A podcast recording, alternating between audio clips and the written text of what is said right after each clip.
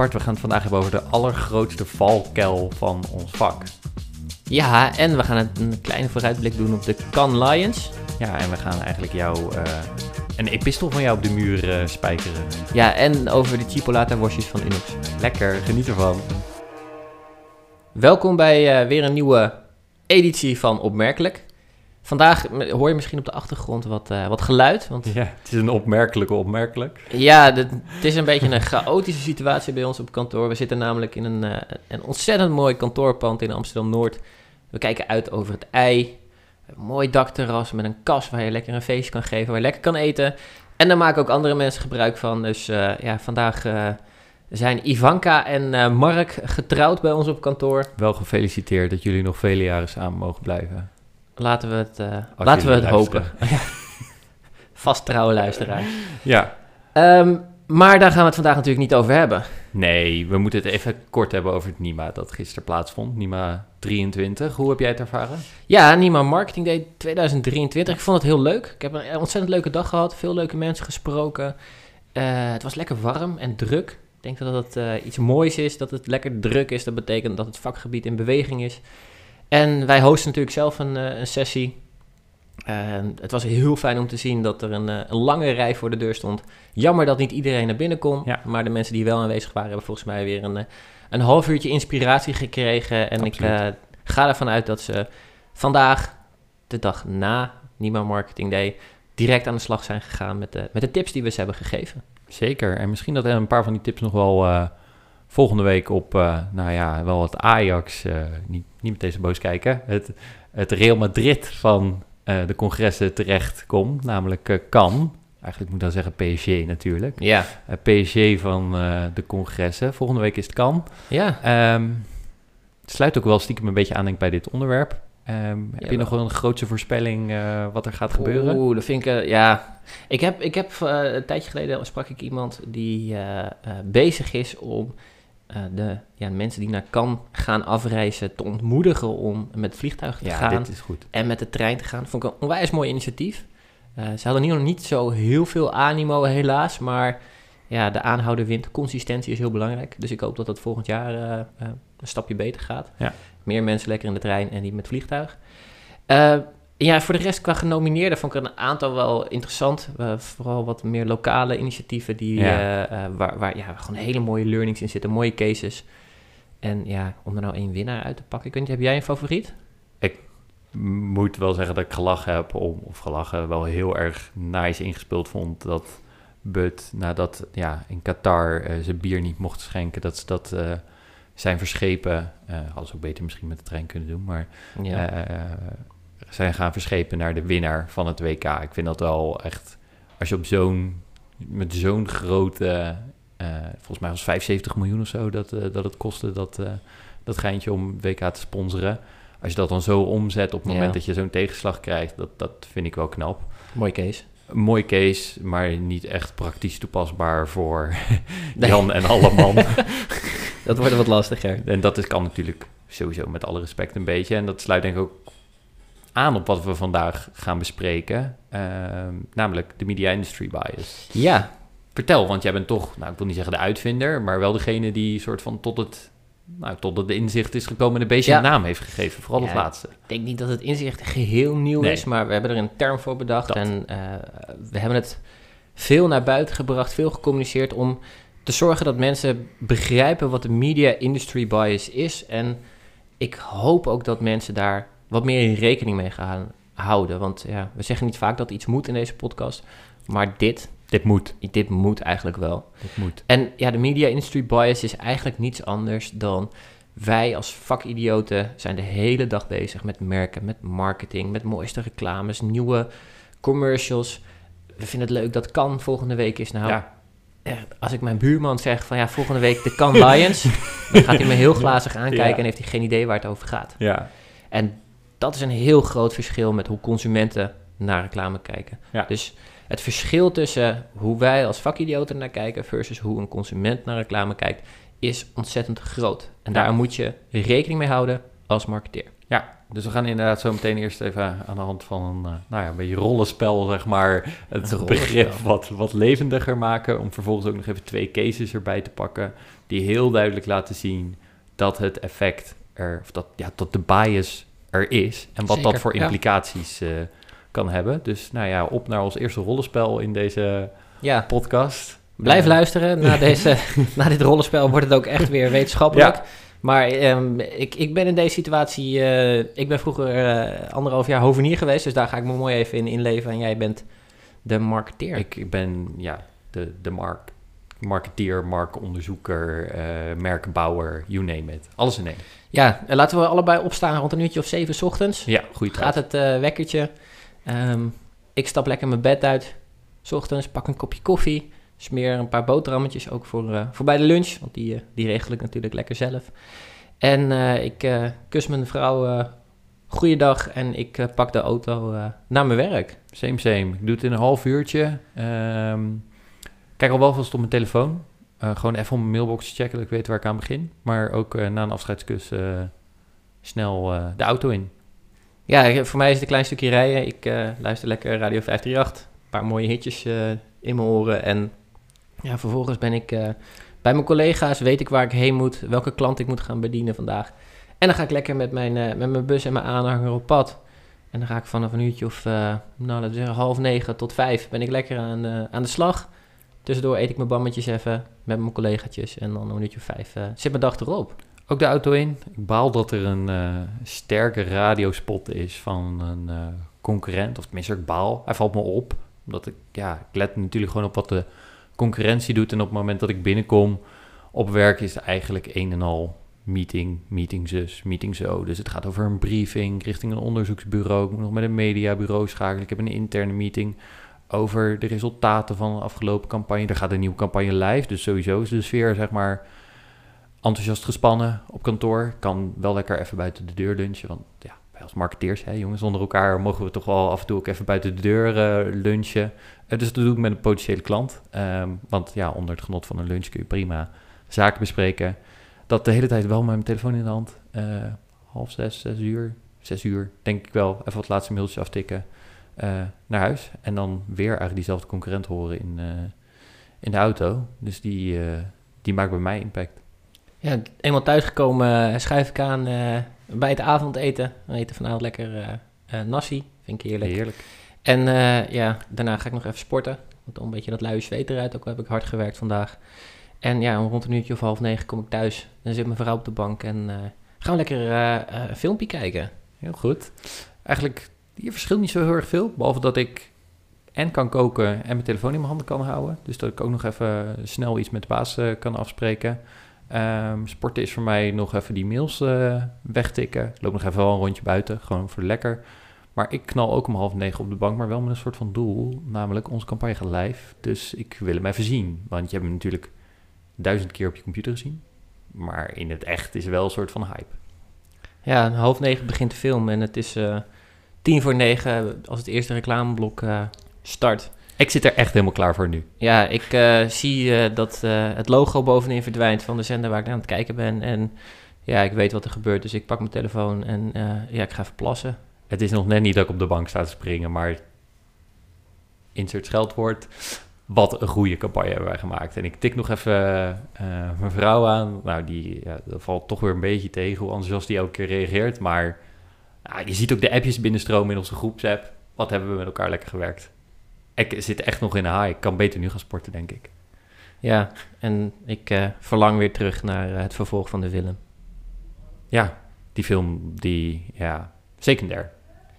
En dit, in onze mooie rollenspel, is eigenlijk precies wat de media industry bias is. Ja. Jij als marketeer bent de hele dag bezig met je merk. En je zit te wachten op de bank totdat die live komt. Elke keer zie je hem en in je brein wordt bevestigd dat het fantastisch is, omdat je er al weken, maanden aan gewerkt hebt. Je hebt de shoot bijgewoond. Eh, je bent in de voorbereiding, je hebt met het Big ID meegewerkt. En dan is hij eindelijk op tv en dan ja, sta je juichend op de bank. En voor mij, ja, het, ik, is dat ik een reclame moet zien om vervolgens de rest van de film te kunnen kijken. Maar liever ga ik naar buiten, ga ik het konijnenhoek schoonmaken, want ik zit helemaal niet te wachten op reclame. En weet je wat ik nou zo vervelend vind? Want we hebben het dan over de in- media industry bias. Ehm, wat ik en mijn collega's dan zeggen, ja, maar wij hebben het er nu toch met elkaar over. Dus dan is het toch geslaagd, zeg maar, de campagne. Ja, en dan kruip ik weer even in mijn rol van eh, Bart, die werkt bij Validators. Precies, En, net is eh, weer een dan eh, quote ik graag even eh reclamegoeroe eh, George Parker, Mhm. eh, die ooit heel mooi eh, formuleerde... The only people who care about advertising are the people who work in advertising. En dat is denk ik een leus die we allemaal moeten onthouden. En waar we allemaal naar, eh, naar moeten leven en moeten ontwikkelen vooral. Ja. En ik denk dat we het best nu ook gewoon met twee cases even kunnen doorgaan. Ja. Want dit rollenspel was leuk, maar het was ook ja, een soort van bedacht. Maar in de echte wereld gebeurt dit best wel vaak, vaker dan je denkt. Eh, helaas. Ehm, dus we pakken er even twee cases bij. Ja, en de eerste is een hele sprekende, denk ik. Ik denk dat iedereen eh, die deze podcast, podcast luistert ook deze campagne gezien heeft. Hij heeft gedraaid vanaf nou, medio, eh, eind september, medio oktober eh, afgelopen jaar tot en met december. Eh, het was namelijk een ontzettend grote eh outdoor campagne. Eh, meer dan 3,5 miljoen aan eh, mediawaarde is daarin gestopt. Alleen in out of home Ja, kanaal al. Alleen houden we van. En ehm, het is een campagne van Be Shirt. Ja. En eh, het zou ook niet verbazen als er nu mensen zitten te luisteren van... Huh, welke campagne bedoel je dan? Ik ga hem even omschrijven. Het was een, eh een buitenreclameserie met eh, vlakken, kleurige vlakken. In het begin vooral geel, later kwamen er ook andere kleuren bij. Vinden we trouwens ook wat van. Van die andere ja, kleuren, zeker, maar goed. dat- dat luister dan maar seizoen 1, aflevering 4 Ja. over consistentie. Ehm, en op die uitingen was geen logo te bekennen, maar er stond alleen een tekst. Elke dag een beetje beter, een beetje groener. En meer van dat soort varianten. Ja. En daar hebben ze, zonder logo, hebben ze daar anderhalf miljoen euro in gestoken. En het mooie is, als je dit dus gewoon een soort van ja, esthetisch benadert, kun je er van alles van vinden. Maar ja, wij zijn de beroerdste ook niet. Dus dit triggerde bij ons heel erg veel. Al was het maar omdat heel LinkedIn voor ons, heel ons LinkedIn-bubbeltje er ook ehm, helemaal gek van werd. Sowieso in de trant van wie is het, Eh, wat is het en eh, hoe, hoe kan dit zo? Is het effectief? Nou, met die laatste vraag kunnen wij natuurlijk makkelijk aan de gang. Dus tijdens de campagne ehm, hebben we een onderzoekje gedaan. Zeker. En dat hebben we eigenlijk op twee manieren gedaan. Enerzijds een beetje, ja, een beetje kwali-onderzoekje. ehm, met name in de presentaties, in de webinars Ja. die wij gaven. ehm, hebben we gevraagd van... hey, jullie hebben dit op straat ongetwijfeld voorbij zien komen. En nou, ik denk drie Ja. de vier... Minimaal. Misschien wel meer, hè? Laten Ja. we zeggen vier op de vijf. Laten we zeggen vier op de vijf. ehm, die gaven aan, oké, weet je, ik heb dit herkend. Ik heb dit gezien. En Nou, dat zijn dus mensen die in de media werken, voor de goede orde. Ja. denk je goede score. Tegelijkertijd, in diezelfde week, hebben we het ook aan Representatief Nederland gevraagd. Heb je dit gezien? Dat was iets minder. ja. Dat is al een beetje een spoiler, maar dat was toch echt wel een stuk minder. 21% Ja. gaf het aan. Dus dat betekent dat maar 1 op de 5 überhaupt het opgevallen is. Dus dan hebben we het niet eens over de volgende stap. Misschien kun jij daar wat over vertellen, over terugkoppelen. Ja, maar dat is natuurlijk wel een heel groot verschil. Überhaupt het, het hebben gezien. Dus dat betekent ook dat eh, mensen in de mediawereld op een andere manier beleven eh, dan de normale consument. En ehm, ja, het gaat niet alleen maar om opvallen natuurlijk. Je moet ook iets overbrengen. En Ja. dat is wat we ook gemeten hebben. Eh, en hetzelfde onderzoek zagen we dat ja, de, de passant, de consument, eh, het heel veel moeite had om te achterhalen wie nou uiteindelijk dan de afzender van die uiting was. En slechts 1% van de mensen wist duidelijk terug te koppelen dat het ging om B-Shirt, de zorgverzekeraar. En ja, het is wel heel grappig, maar 15% van de mensen die dacht namelijk dat het een andere partij was. Namelijk eh, de Belastingdienst. Ja, elke dag een beetje groener. De Ja, Belastingdienst. het zou een mooi slogan kunnen zijn. Wie het weet, zou- iets voor de toekomst. Ja, wij hebben het als eerste gezegd. En ja, wat, ik weet niet of ze dat, eh, die informatie van ons hebben eh, gelezen bij B-Shirt, maar ze hebben op een gegeven moment hebben ze een logo toegevoegd. En toen zagen we in eh, nee, een meting die we later hebben gedaan met dezelfde KPI's onder eenzelfde soort steekproef, dat de herkenning wel iets was gestegen. Ja. Namelijk eh 40% van de Ja. mensen wist dat deze uiting buiten had gehangen. En ja, hij werd ook wel iets beter herkend. Namelijk, of in ieder geval teruggespeeld, sorry. Ja. Merk werd teruggespeeld door 21% van de Ja. mensen. zou je zeggen, nou ja, fijn, logo toegevoegd, het is allemaal eh, hartstikke omhoog gegaan. Maar wat jij eerder ook al zei, we hebben het hier over miljoenen Ja, die geïnvesteerd zijn. eh, waarvan volgens mij de eerste anderhalf à 2 miljoen ook in de no-logo campagne.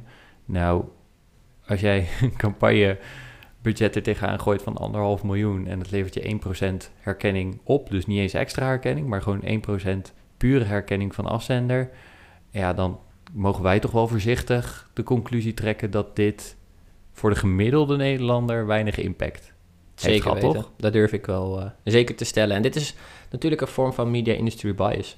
Ehm, je gaat ervan uit dat mensen met een hoge maat van aandacht naar die uitingen kijken. Maar een consument maakt het eigenlijk helemaal niets uit. Die heeft er geen interesse in. En als je het ook niet aan je merk weet te linken, wordt het ook nooit relevant. En dan sla je de plank in dat geval helemaal mis. Ja, en de grootste valkuil hier is denk ik dat je in je eigen bubbel waarschijnlijk wel die reactie krijgt van... oh, wat een triggerende campagne en oh, inderdaad helemaal iets nieuws. Kijk, je, je LinkedIn-netwerk is natuurlijk ook voor een groot deel uit peers opgebouwd. Uit dezelfde Zeker, soort ja, mensen, ja, ja. die hebben het erover. Dat is inderdaad ook wat ik aan jou eh, vroeg. Ja, maar Bart, we hebben het er nu toch over, dus het zal dan wel goed zijn. Eh, ja, voor, je- voor je kleine subgroepje eh, marketeers, allemaal leuke mensen, daar niet van Zeker weten.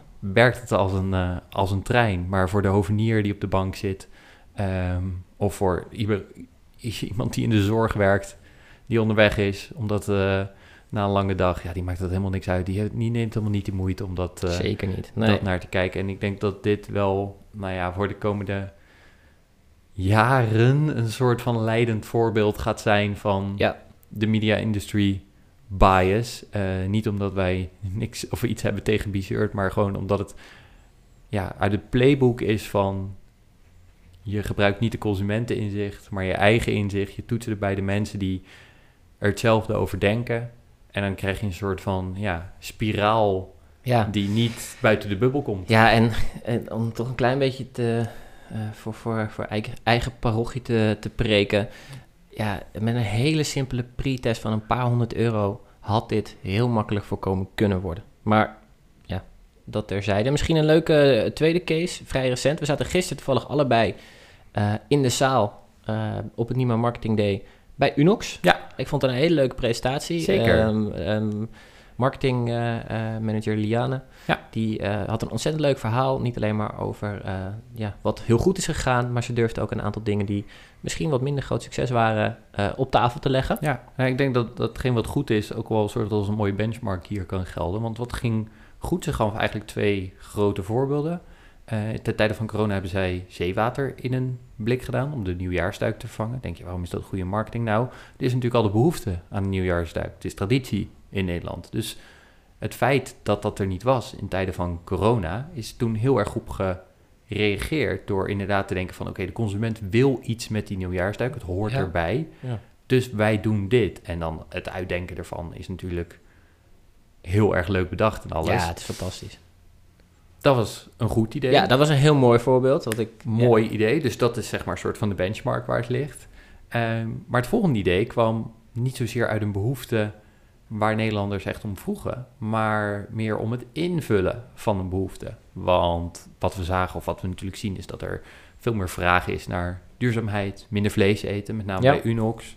Eh, daar heeft ze ook best wel wat over verteld. En een van de ideeën die ze hadden binnen Unox is van we gaan chipolata groenteworstjes maken. Mooie groene verpakking, eh, lekker opvallend.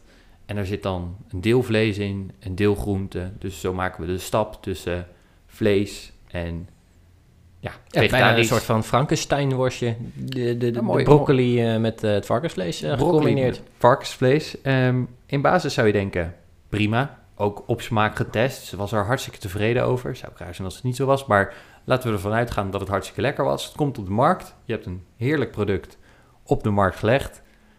Flopt als een jekko.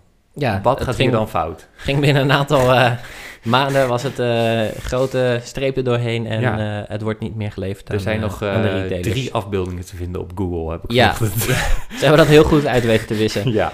Ehm, goed dat wij het dan even behandelen, toch hier in de podcast. Ja.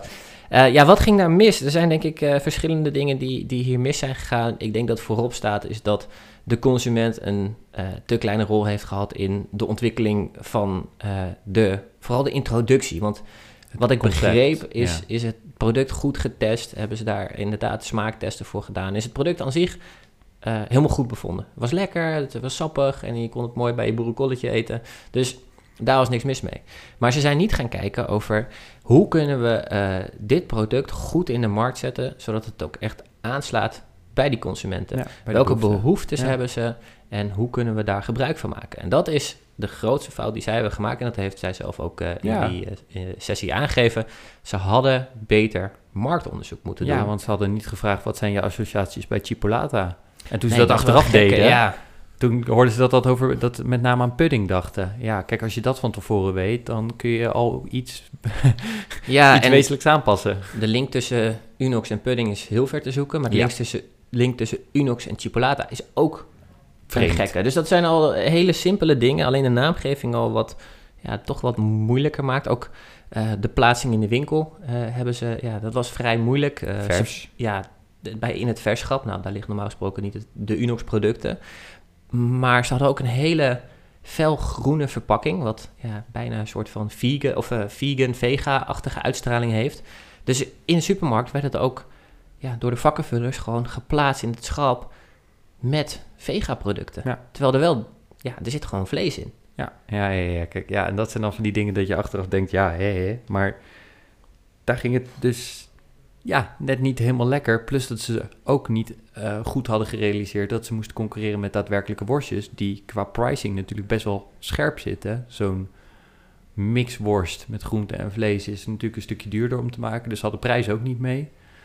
Nou ja, 1 en 1 is dan, eh, ja, min. Min 2. Ik blijf weer goed in wiskunde te zijn. Nee, ja, en ik denk dat, eh, dus zij vertelde dat ook al in die, eh, in die sessie, dat de belangrijkste learning die zij eruit hebben gehaald is, betrek de consument nog veel meer in dat uiteindelijke eh, positioneringsproces, in je ontwikkeling van je reclamemateriaal, in uiteindelijk waar gaan we nou in de winkel plaatsen. Allemaal stapjes die vrij simpel te nemen zijn, waar onderzoeksbureaus in gespecialiseerd zijn en die gewoon gaan helpen om zo'n productintroductie te laten slagen. En ik denk dat dit wel tot de kern komt van wat wij, van een punt wat we willen maken en waar jullie allemaal naar moeten luisteren. Betrek alsjeblieft de consument bij je creatie, bij je productintroductie. Zorg ervoor dat diegene een stem heeft in de kamer, want dat maakt zo enorm veel verschil. Er stelde letterlijk op Nima iemand inderdaad de vraag van... heeft er niemand bij jullie gezegd dat Chipolata een rare naam is tegen, eh, tegen de marketingmanager van Unox? En Ja. zei ze, nee. Ja, achteraf heel, gek. Ja. heel gek, maar nee. En de consument had dat gezegd.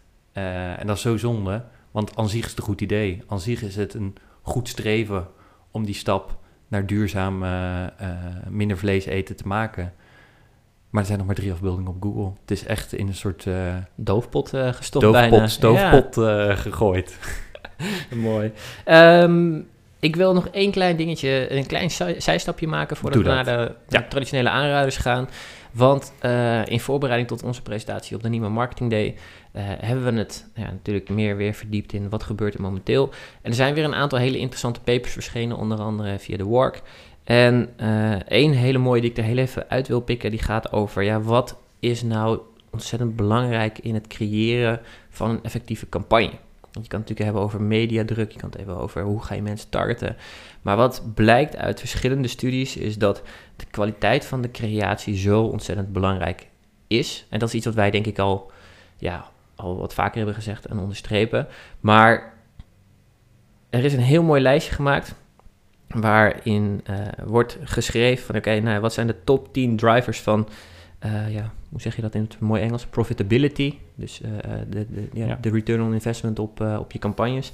En daar bovenaan staat eh, eh, brand size, dus de omvang van je merk. Ja. En eigenlijk op een hele sterke tweede plaats, verre afstand van de, de nummer drie, staat de kracht van de creatie die je inzet in die campagne. En dat is iets wat ook zo ontzettend belangrijk is in relatie tot de media industry bias. Zorg er alsjeblieft voor dat het materiaal wat je inzet van zeer hoge kwaliteit is. Dat daar humor in zit, dat dat op emotie inspeelt, dat het heel duidelijk is. Je afzender en je boodschap moeten gewoon direct overkomen. En dat is zo ontzettend belangrijk en dat, ja, dat willen wij met alle liefde bij helpen, maar je kan ook ervoor zorgen dat je op een andere manier consumenten daarbij betrekt om uiteindelijk tot een goede creatie te komen. En nu ik dit epistel geef, denk ik ook dat dit mijn, mijn aanrader voor deze week is. Zorg alsjeblieft bij iedere campagne, het maakt niet uit of je een, een multinational bent of je bent een, uh, een fietsenwinkel uh, in een klein dorp. Ja. Alles wat je naar buiten brengt, die creatie moet goed zijn. Heb jij nog een aanrader? Nou ja, ik denk dat ik hier niet overheen kan. Uh, laten we het ook gewoon kort, weet je. We, we, zeggen ook vaak buitenreclame moet kort zijn, in één keer helder. ik denk dat dit heel dicht bij de kern komt van waarom wij allebei ook in het vak zitten en waarom we het leuk vinden. Um, en waar we ook dagelijks tegenaan lopen en waar we um, dagelijks een oplossing proberen voor te vinden. Dus als je dit doet, dan maak je al zoveel meters verschil. Dus uh, um, een gek voetbalshirt uh, raad ik de volgende keer wel aan. Maar uh, voor nu denk ik dat, dat jouw epistel uitgeprint mag worden en ergens opgeplakt mag worden, ingelijst. Nou, dan uh, laten we hem hier uh, bij. Wij gaan ons onder het feestgedruis uh, begeven ja, van de ik, bruiloft. ik hoorde de champagne net ploppen, dus wij gaan ons aansluiten daar. En tot de volgende keer. Ja, beste mensen, tot snel.